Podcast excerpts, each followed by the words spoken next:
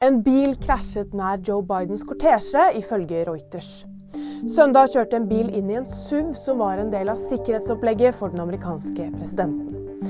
Det skjedde i Delaware etter at han og førstedame Jill Biden hadde vært på en middag.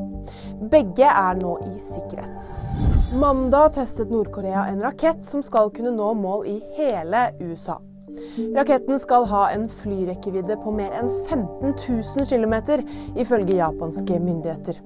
USA og Sør-Korea fordømmer testen, som de sier bryter med FN-resolusjoner som forbyr Nord-Korea å bruke ballistiske raketter. Det kan være håp om en hvit jul i store deler av landet, ifølge meteorologen. Østlandet og Midt-Norge kan få snø mot slutten av uken. Ved ytre deler av Vestlandet og Sørlandet blir det for varmt for snø, mens Nord-Norge ser ut til å få en kald og snøfylt jul.